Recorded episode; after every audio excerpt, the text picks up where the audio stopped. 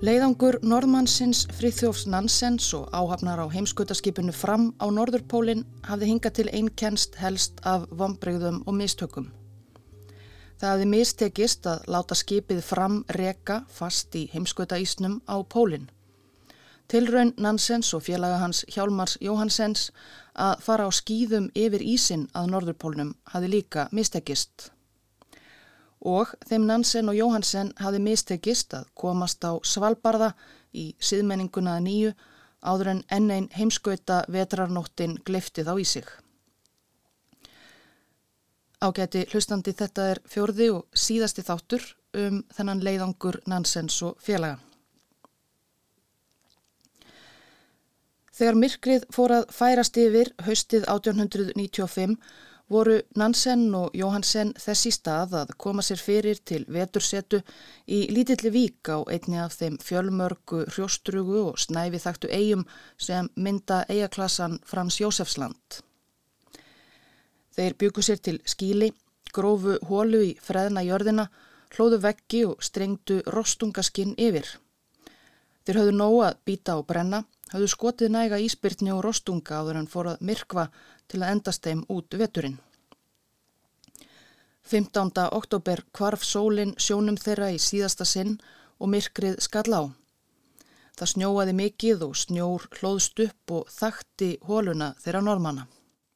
Það var ekki mikið tilbreyting í lífið okkar. Það samanstóð aðalega því að elda og borða morgumat á mornana. Svo kannski lögðu við okkur aftur og eftir það fóru við út til að fá örlittla hreyfingu. Það gerðu við þó alls ekki meira en nöðsinn krafðist, þar sem fötin okkar voru mettuð að fytu, víða slitin og snjáð og henduðu illa í að vera úti undir beru lofti um vetur. Vindfötin okkar, sem við hefðum átt að klæðast utandira, voru svo slitin að við gáttum ekkert notaði. Þegar við komum inn og höfum komið okkur upp lista á annari máltíð, urðum við að búa til kvöldverð, borða fyllu okkar og skrýða svo ofan í sveppókan okkar og sofa eins lengi og við gátum til að drepa tíman.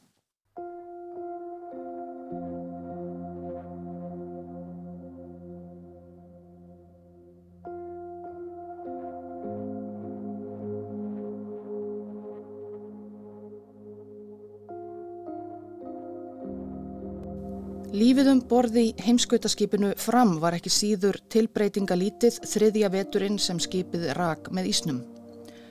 Framverjar höfðu fyrir löngu mist áhuga á að reka yfir Norðurpólinn. Líklegast hafði Nansen sjálfur aðalega áhuga á pólnum. Þeir vildu bara reka í áttað Noregi, losna úr ísnum og fara heim.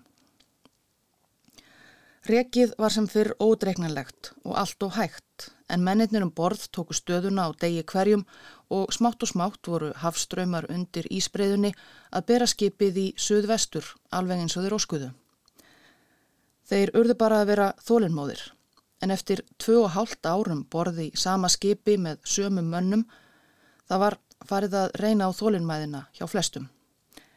Siglingafræðingurinn Sigurd Skott Hansen ávarpaði dagbók sína Þú getur ekki ímyndaðir hversu þreyttir við erum orðnir hver á öðrum. Það er komið á það stig að við gjörsamlega þólum ekki að sjá hver annan. Það hafði þó létt móralinnum borð á sínum tíma vorið 1895 þegar Nansen kvarf frá borði. Nansen hafði verið orðin óvinnsæl meðal manna sinna. Hann var dindóttur, skapstyggur og leitt stort á sig. Það gengur allt greiðar eftir að Nansen fór og einhver af þeim klopningi sem við þjáðumst af í byrjun hefur dopnað. Það er merkilegt hvernig biturleikin bliknar með tímanum og stað hans taka minningar af ánægilegri hlutum. Það var tímabil þar sem ég hataði Nansen svo ég get varla hugsað um það. En nú hefur svo tilfinning dopnað og orðið að minningu eins og óljós þokan um dimman tíma og vikið fyrir venjulegri, kurteisislegri velvild. Framverjar höfðu að sjálfsögðu enga leið að vita hvernig ferðalagi Nansens og Jóhansens hefði undið fram. Þeir höfðu búist við því að tvímenningarnir yrðu snöggir að skjótast á skýðum sínum á Norðurpólinn og þaðan vestur til Svalbardha, yrðu langt á undan skipsáöfnunni aftur til Noregs. En svo var líka möguleiki að þeir höfðu orðið einhver staðar úti á leiðinni. Það var engin leið að vita. Í tilbreytingaleysinu var orðið talsvert um drikju um borð. Sumir áhafnarliða voru nú á stöðugu fylleri eða þaðan að verra. Í november 1895 þegar Nansen og Jóhansen voru fyrir nokkru búinir að koma sér fyrir í hýði sínu uppgötvaði Otto Sverdrup skipstjóri loksins ástæðu þess að skipsleiknirinn Henrik Blessing hagaði sér gjarnan undarlega um borð og virtist vera að vestlast upp. Hann hafi verið að spröyta sig með morfíni úr livjakistu sinni í lengri tíma. Sverdrup var nexlaður og gerði lifið snarlega upptækt. Það er hryllilega óábyrgt af blessing að byrja á svona nokkru í þeim aðstæðin sem við búum við. Ef eitthvað kemur fyrir skipið, gæti hann komið leiðangurinnum í mikil vandræði. Hann fær ekki lengur að hafa aðgangað morfinni nema ef veikindi koma upp og alltaf með minni yfir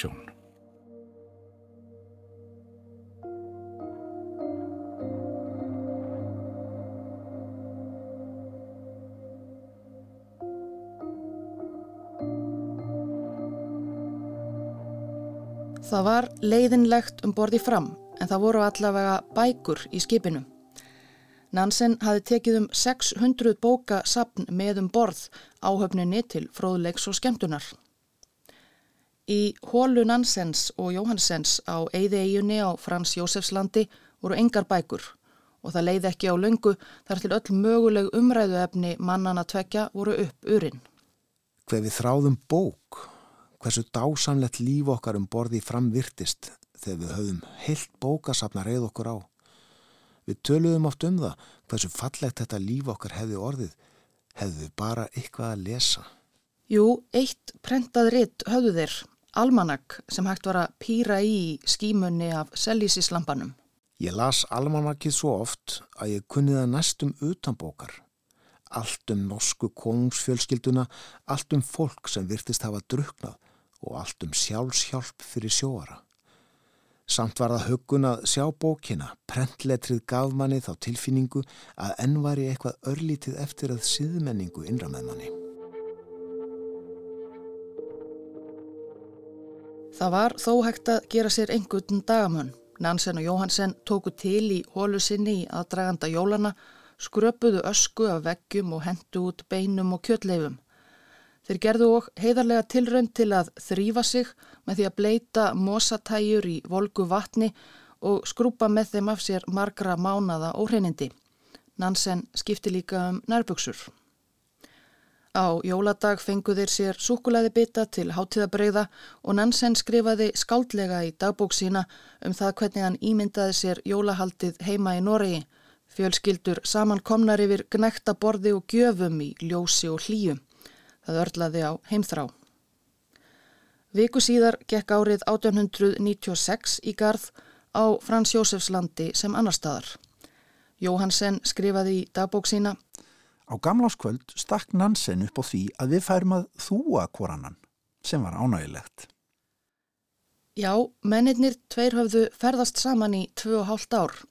Varði nýju mánuðum, tveir einir saman á ferðalagi, sofið í sama sveppoka hvor ofan í öðrum en allan þennan tíma höfðu þeir haldið ítrustu formlegheitum og þýrað hvor annan verið doktor Nansen og herr Jóhansen, ekki Frithjóf og Hjálmar. En nú fannst doktor Nansen loks ástæða til að slaka aðeins á og verða dús.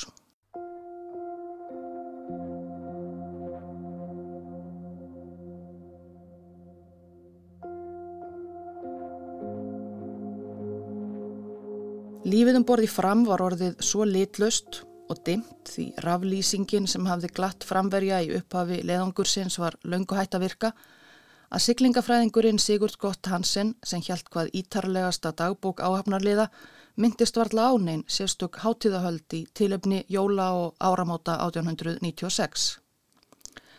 Þetta voru þriðju jólinn um borð og hátíðarnar nú aðalega ástæða til að fá sér guðróttan drikk ekki það að framverjar þyrtu sérstakar ástæður til að fara á fylleri þegar þarna var komið sögu.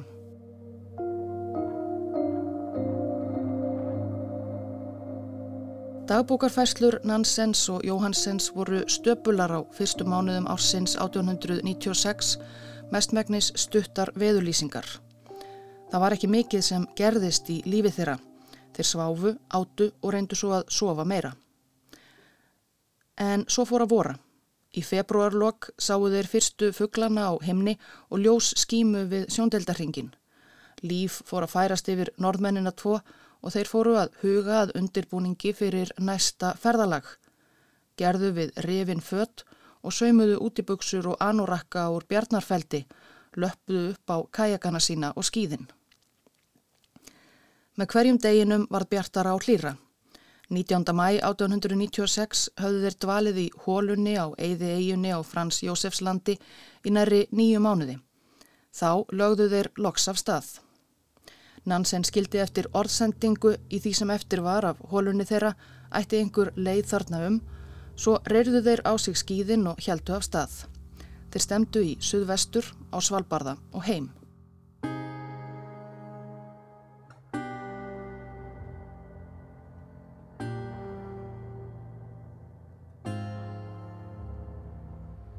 Við förum aftur í tíman, nokkur ár. Hálfu ári rúmu áður en framlagði á stað frá Óslóar höfn áleiðis norður í november 1892 hafði Frithjóf Nansen kynnt ferða áform sín í fyrirlestri fyrir konunglega landfræðifélagið Breska í Lundunum. Þó margir brettar fussuðu yfir förðu för Nansens hafði hann einnig kynst bretta nokkrum ári eldri en hann var sjálfur sem vildi Olmur slást í för með honum. Það hefði svo sem ekki verið vittlust. Fredrik Jackson af miðenskum landegenda ættum var æfintera gjarn og hafði um ára bil verið heitlaður af norðurslóðum. Þegar hann hitti Nansen í Lundunum var hann nýkominn úr krefjandi hundasleðaferð mörg þúsund kílometra þvert í gegnum Sýberju. En því miður Nansen hafnaði umsókn Jacksons, hann var búinn að ákveða að taka bara norðmenn með sér um borði fram. Reyndar vilti einn áhafnarliði á sér heimildir, annar velstjóri fram Lars Pettersen var í raun sænskur, en það er hannur saga. Fredrik Jackson tók höfnuninni ekki ídla. Áhrifin sem þessi vinsamlega höfnun hafði á mig var að gera mig ákveðin í að stjórna minni eigin síningu, ef svo má segja. Og í framhaldinu hófst ég handa við að skipulegja minn eigin heimskautaleiðangur. Og Jackson beigð ekki bóðana. Hann hugsaði upp leiðangur og treyði sér fjármagn, fartæki og mannskap. 12. júli 1894, þegar rúmt ár var síðan framlagði af stað frá Oslo og skipið satt pikkvast einhver staðar í Ísnum, mennirnir um borðað fytna og drepast úr leiðindum, laði skoska kvalveðiskipið Windward úr höfn frá hafnarborginni Greenhæð í Kent á Englandi. Auk áhafnar Windward var um borð Fredrik Jackson og átta menn hans að auki. Markmið þeirra var að kanna nánar landsvæði sem fyrst hafi verið uppgötvað og kortlagt 1874. Örfáir höfðu heimsótt það síðan. Jackson var á leið til Frans Jósefslands.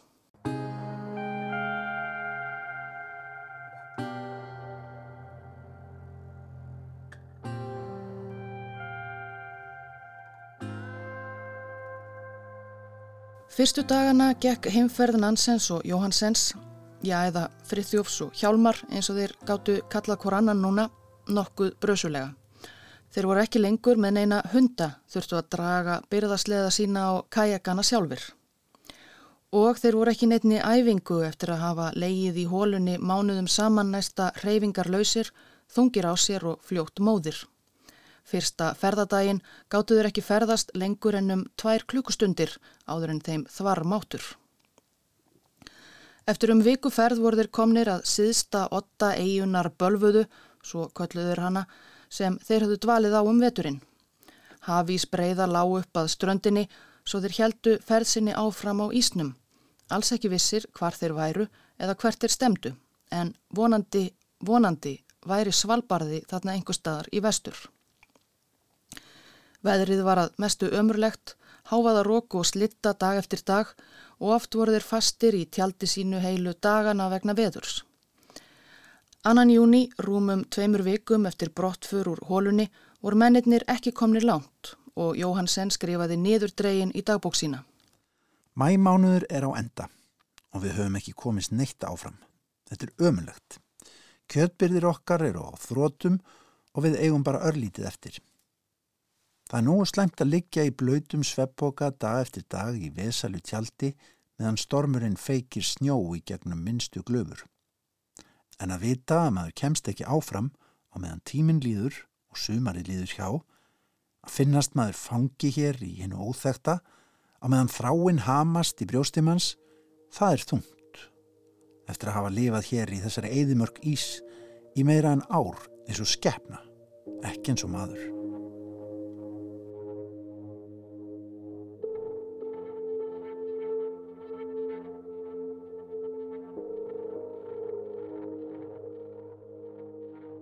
Annar staðar í Ísbreiðunni, lengra í austur, var heimskvötaskipið fram einmitt að losna úr þeim ísklafa sem skipið hafi verið fast í í á þriði ár. Hafísbreiðan var að brotna upp í sumar hlýjendunum.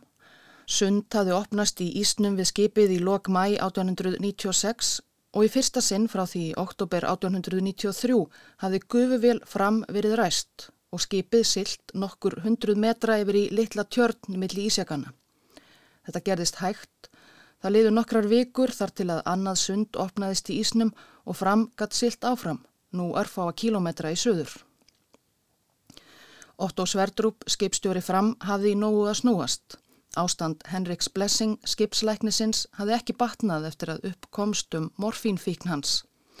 Anna Kort var læknirinn í miklum frákvörfum eða hann var ennað stelast í efnið. Hann leitt herfilega út, reikaði um gangaskipsins og drafaði. Sverdrup ákvaða að hafa enn strángara eftirlit með livjabyrðum skipsins.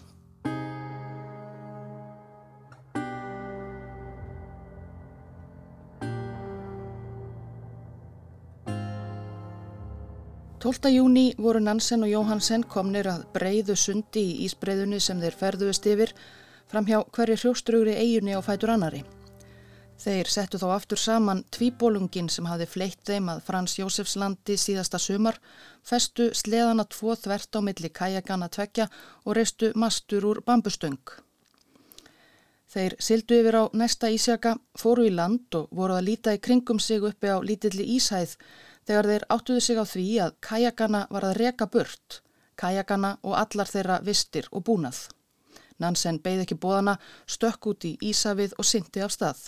Jóhansen saði frá. Þar fóru allar okkar eigur, matur, född, skotfæri.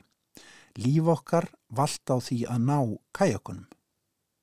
Ég gati ekki verið kyrr, gekk fram og aftur en gat alls ekkert gert, fyldist með Nansen sem að syndi á bakinu. Ég var hrættur um að hann myndi fá krampa og sökva fyrir fram að mig. Vatni var ískallt og það var þreytandi að synda í öllum fötunum. Kajakanna rak lengra og lengra burt, ég var efinsum að ég geti náðum. En þarna rak alla okkar lífsvon burt og hvort ég myndi stýpna upp og drukna hér og nú eða snúa aftur án kajakanna virtist niðurstaðan svo sama.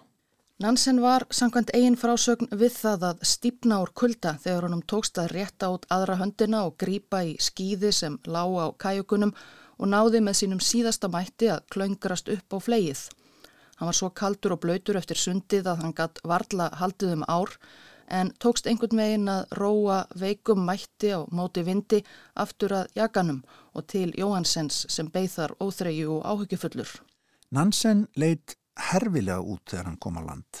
Fölur, sítt hárið og skeggið gegn drepa. Hann fróðufeldi og átti erfitt með mál. Gatt varla staðið í lappirnar og skalf stöðugt. Jóhansen hjálpaði Nansen úr blötu fötunum, hitaði handa honum svoðað drekka og setti hann ofan í sveppoka. Að loknum nokkura klukkutíma lúr var hann að einn sögn stálslegin eftir þólraunina. Litlu munaði að þeir mistu allt sitt ofan í jökulkalt Ísafið, svo fór ekki, en þeir höfðu enn svo að segja ynga hugmyndum hvar þeir voru stattir.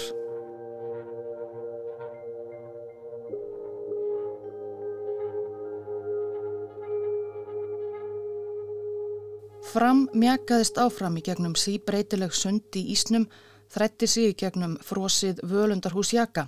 Skipið var aftur orðið að skipi. Sverdrup og framverjar fóru sér að engu óðslega nú þegar var vonum að þeir kæmusloksins heim. Aðstæður voru enn erfiðar og ódreiknanlegar. En í júlílokk 1896 hafði skipinu tekist að sigla um 120 km söður af staðnum þar sem það hafði frosið fast tæpum þremur árum fyrr. Um mánaðamótin júli-ágúst kviknaði vonu meðal framverja um að opið haf væri ekki langt undan. Kanski er ekki langt í að við getum fagnað með klassísku upprópuninni Talata, talata skrifaði Scott Hansen siglingafræðingur í dagbók sína 11. ágúst og vísaði í frásögn gríska herfóringan Xenofonsum, grísku hermennina 10.000 sem voru svo uppnumdir að sjá glitta í svartahafið er þeir hörfuðu frá Persju um 400 fyrir okkar tímatal að þeir rópuðu upp yfir sig hafið, hafið.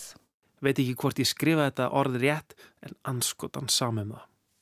Og veiti menn, hvort hann rópaði upp yfir sig á grísku við þetta tækifæri veitum við ekki en Sigurd Scott Hansen var sjálfur á næturvaktinni á þilfari fram kortir í fjögur að mótni 13. ágúst 1896 þegar skipið stímaði fram hjá síðasta ísjaganum í auksín.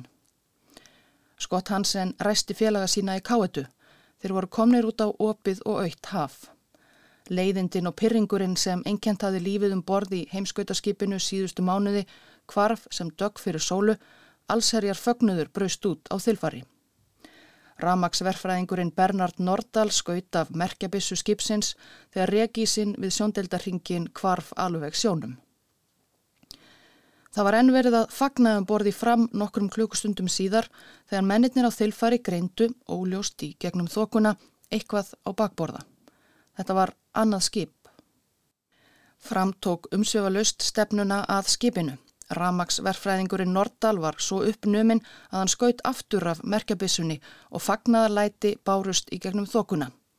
Áhöfn hins skipsins stóð öll á þilfari og fyldist með. Nordal skrifaði í dagbók sína Við sáum mannesku. Það eru þrjú ár síðan við sáum síðast aðra mannesku. Það voru þrýr samójetar í Jamal á strönd Sýberíu. Og það sem meira var, þetta voru ekki bara manneskjur, þetta voru norðmenn. Norski fánin blakti í siglutoppi. Þetta var norskt serveðiskip, sistutnar frá Tromsö á veiðum. Þeir voru rétt úti fyrir ströndum Svalbardha. Áhöfnin á sistrunum barð sjálfsögðu kennsla á hefðu undarlega á víðfræga skip fram sem enginn hafi frétta nokkuð af árum saman en byrtist nú eins og furðu skeppna út úr þokunni.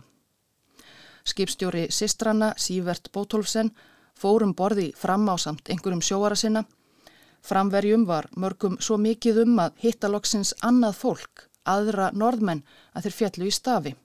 Loksins aftur meðal þeirra lifandi eftir þrjú ári í Eðiríki Ísins. Bótólfsson skipstjóri hófst handa við að uppfræða mennina um allt það sem hafi gerst á þeim tíma sem þeir voru fjarrri síðmenningunni. Það var ímislegt.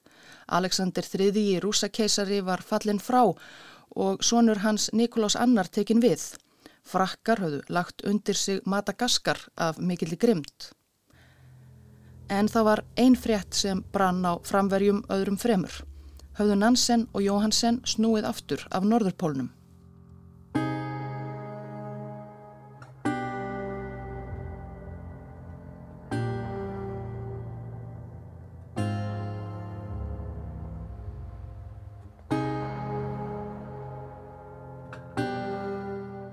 Nansen og Jóhansen ferðuðist yfir ísin með bref frá áhafnarliðum fram til eiginkvenna, unnusta, maðura og annara ástvina því ætlunin var að þeir erðu fyrri heim til Norex en íspundið skipið. Í þrúandi tilbreytingarleysinu um borði skipinu má ætla að einhverjir framverjar hafi frekar óskað sér að hafa fyllt Nansen á pólinn og komast hannig fyrr heim. En Sívert Bótólfsen, skipstjóri selviði skipsins Sistrana frá Tromsö, hafði engar góðar fréttir að færa. Nei, það hafði ekkert spurst til Nansens og Jóhansens.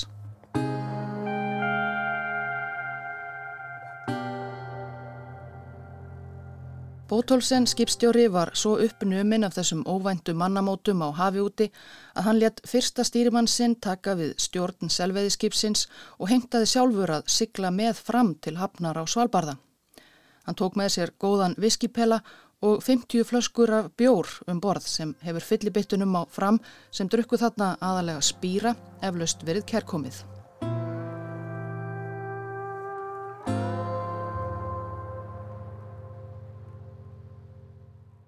Það var mikið um að vera á Svalbardða þessa dagana.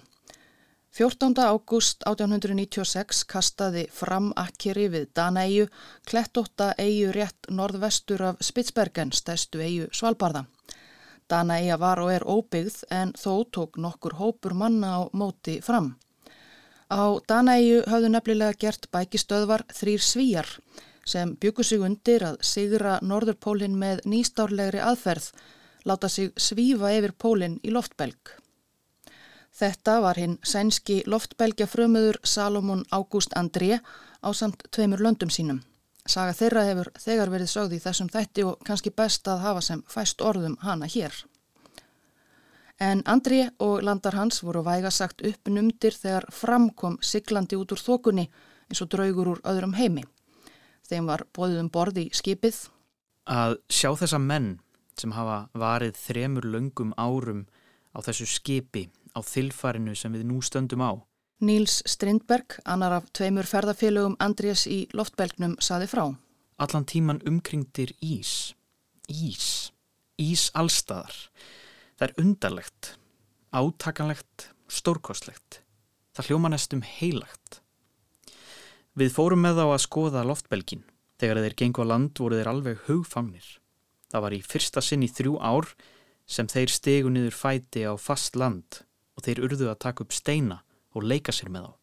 Framverjar voru vissulega gladir að hafa fast land undir fótum, en nokkuð nagaði í samvisku þeirra allra, hvað hafði orðið af Nansen og Jóhansen.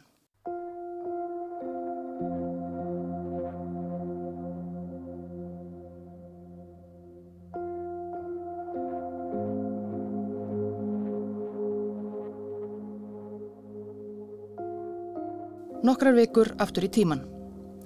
Nansen og Jóhansen heldu áfram ferð sinni 15. júni 1896 þegar Nansen hafi náð sér almennilega af volkinu í köldum sjónum. Sildu kæjugunum samanfestu fram hjá eigum og skerjum en í algjöru óvissu um hvar þeir væru stattir í veröldinni. Þeir hafðu ekki verið lengi á siklingu þegar ófreskja byrtist upp úr hafdýpinu og sökti stórum beittum skögultönnum í kajak Nansens. Þetta var rostungur. Nansen og Jóhansen bröðust skjótt við og rýru hrattað næsta fastlandi, næstu eigu og frá kvikindinu. Það voru tvö stór rostungstannar gött á öðrum kajaknum svo Nansen og Jóhansen tóku sér tíma til að gera við hann og kvíla sig örlítið. Þeir voru svona um það bilað íhuga að leggja af stað áfram síðdeis 17. júni. Jóhansen lág og dottaði og Nansen var að elda þegar hann saðist heyra eitthvað. Var þetta hundgá?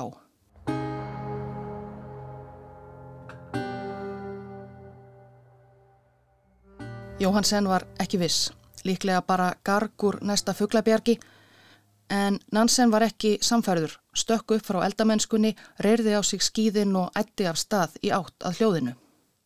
Í undarlegum þöngum millir Eva og Vissu held ég áfram og út úr þóku kendu landi Evans byrtist Vissan. Flóð af gelti náði eirum mínum, skýrara en nokkur sinni fyrr og ég sá för sem gátt ekki verið eftir annað en hunda. Skindilega var ég vissum að ég heyrði undarlega rött Ég stökk upp á hól og rópaði af öllu mætti.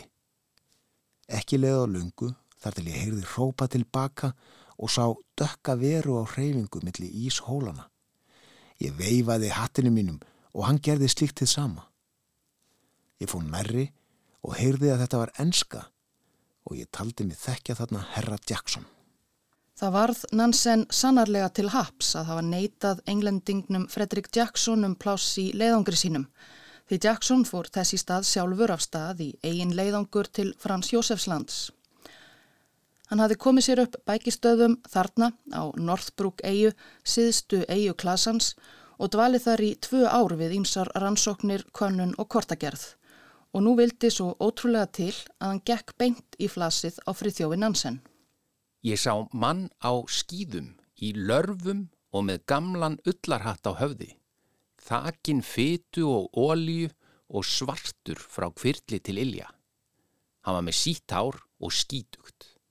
Ég held fyrst að þetta væri rostungsveiðimaður sem hefði lendt í vandraðum, En þegar ég skoðaða nánar, sá ég að þetta hlaut að vera Nansen. Stanley og Livingstone á Ísnum. Jackson lísti fyrstu orðaskiptum þeirra svo. Ég er skolli gladur að sjá þig og við tókumst í hendur. Ertu með skip hérna? Nei, skipum mitt er ekki hér. Hversu margir eru þið? Ég er með eitt félag við ströndina. Ertu ekki Nansen?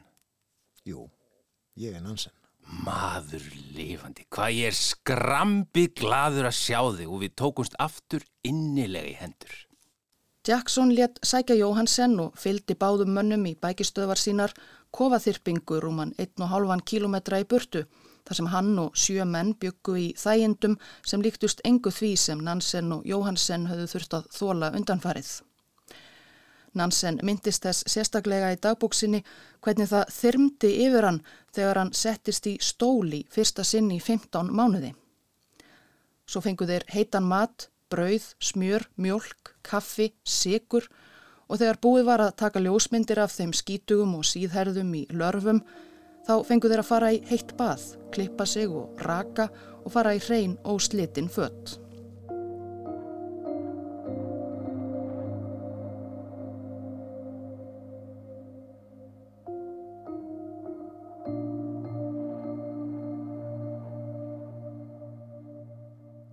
Skip leiðangurs Jacksons Windward ferðaðist til og frá Frans Jósefs landi með byrðir og var viðs fjarrri þegar Nansen og Jóhansen fundust. Þeir urðu því að býða með leiðangursmönnum, stýttu sér stundir við kortagerð og veiðar, þar til Windward byrtist loks við sjóndeldarringin 27. júli. Nansen og Jóhansen fóru um borð, Jackson og félagar ætluði að vera lengur. 9. ágúst sildi Windward fram hjá síðustu ísjökunum og mismunandi tilfinningar bærðust innra með norðmönnunum tveimur. Síðasta kveðjan úr þeim heimi sem verið hefur heimili okkar séð gleði okkur og sorg í þrjú lung ár. Hver undalegt það er að allt þetta sé nú langt að baki og framöndan er, það er eins og indislegu draumur, hugsanir mínar fljúa á gildum skýjum. Nú þegar ég hugsa til þess hversu undursamlegt ég held að yrði að kveðja og allan sársökan og ber þá tilfinningu saman við raunveruleika minn núna, þá finnst mér raunveruleikin eftir allt saman ekki eins undursamlegur eins og hann virtist mér í miðri þjáningu okkar.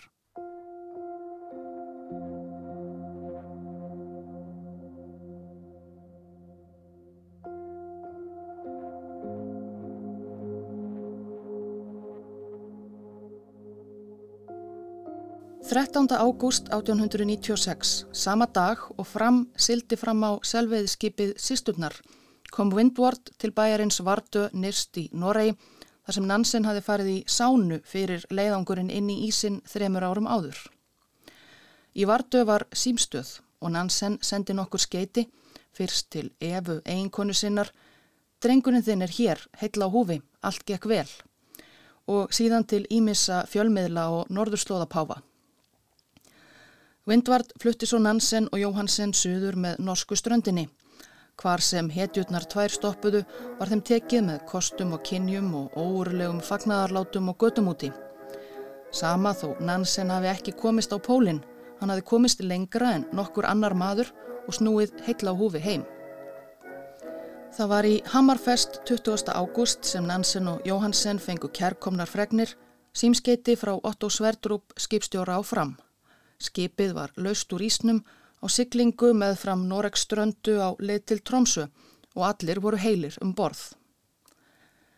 Degi síðar byrtist fram í höfninni í Tromsö skip Nansens sömu leiðis og leiðangusmenn voru sameinaðir á ný. Framverjar höfðu kannski ekki saknað Nansens mikið en það voru þó fagnadarfundir. Friðjóf Nansen fór ekki í fleiri álíka leiðangra, korki til norðurs nýja söðurs þó Suðurpólinn hafi lengi heitlaðan. Hann hafði í nógu að snúast sem norsk þjóðhetja og fremsti sérfræðingur heims á sviði heimskautaferða sem hann var orðin. Síðar á lífsleiðinni lagði hann fyrir sig ríkis erindrekstur fyrir hönd Noregs, átti þátt í stopnun þjóðabandalagsins eftir fyrri heimsturjöld og beitti sér öttulega fyrir hönd flótafólks frá ímsum átakasvæðum.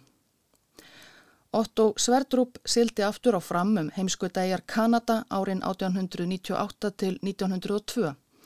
1910 lánaði Nansen landa sínum Róald Amundsen skipið fyrir leiðangur á Suðursköldslandið.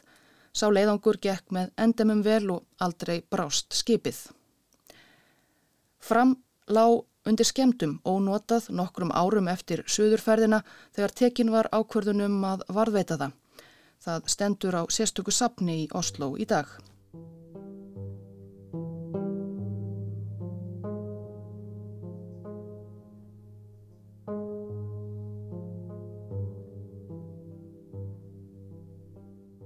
Það fór eitthvað illa innra með hjálmari Jóhansen úti á Ísnum. Hann gerðist fljótt drikkfældur eftir heimkomu, andstykkilegur við konu sína Hildu og var sífælt blankur. Hann var þungleindur. Jóhansen leitaði stöðugt á náðir Nansen sem að retta honum plássi í heimskauta leiðangurum. Kanski var það bara þar sem honum leið virkilega vel. Það var því einlega krafa sem Nansen gerði þegar Róald Amundsen falaðist eftir fram að hann tæki gamla vinsinn Hjálmar Jóhansson með suður. Og Amundsen ætlaði í fyrstu að hafa Jóhansen í þeim hóp sem fyldi honum í skíðaferðina á Suðurpólinn, auðvitað annan eins skíðagarp. En Jóhansen var frakkur og eftir misefnað fyrsta startað Suðurpólnum í september 1911 sem var til þess að einn leiðangursmanna var hætt komin, leifði hann sér að gaggrína leiðtóa hæfileika Amundsens. Amundsen var ekki hrifin af gaggríni. Hann lækkaði Jóhansen í tign og skipaði honum að vera heima í bækistöðum framverja og meðan hann og fleiri skýðuðu á pólinn. Þegar fram sildi heim frá Suðursköldslandinu eftir sigur för á pólinn vorið 1912 gerði Amundsen, en Gramur, Jóhansen að fara af borði í Tasmaníu og bjarga sér heim til Noregs þaðan. Amundsen bannaði og öllum leiðangursmönnum að segja sögu sína ofinberlega bara hann mátti segja og gefa eitthvað út um ferðina á Suðurpólinn. Svo að Hjálmar Jóhansen snýri aftur frá Suðursköldslandinu bugaður og með skömm.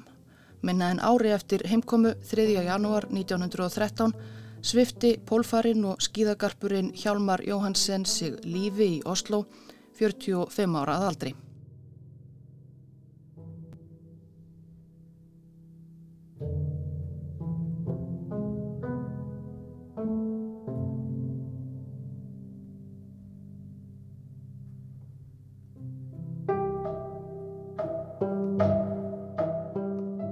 Norðurpólnum var ekki náð um borði skipi á skýðum eða hundasleða, ekki heldur á loftbelg. Loks var það Róald Amundsen, búinn með Suðurpólinn, sem flaug fyrstur manna yfir Norðurpólinn 1926 í loftskipinu Noregi. Frithjóf Nansen hlaut fríðarverlun Nobels 1922 fyrir starfsitt með flótafólki. Hann lést 1930, 68 ára að aldri.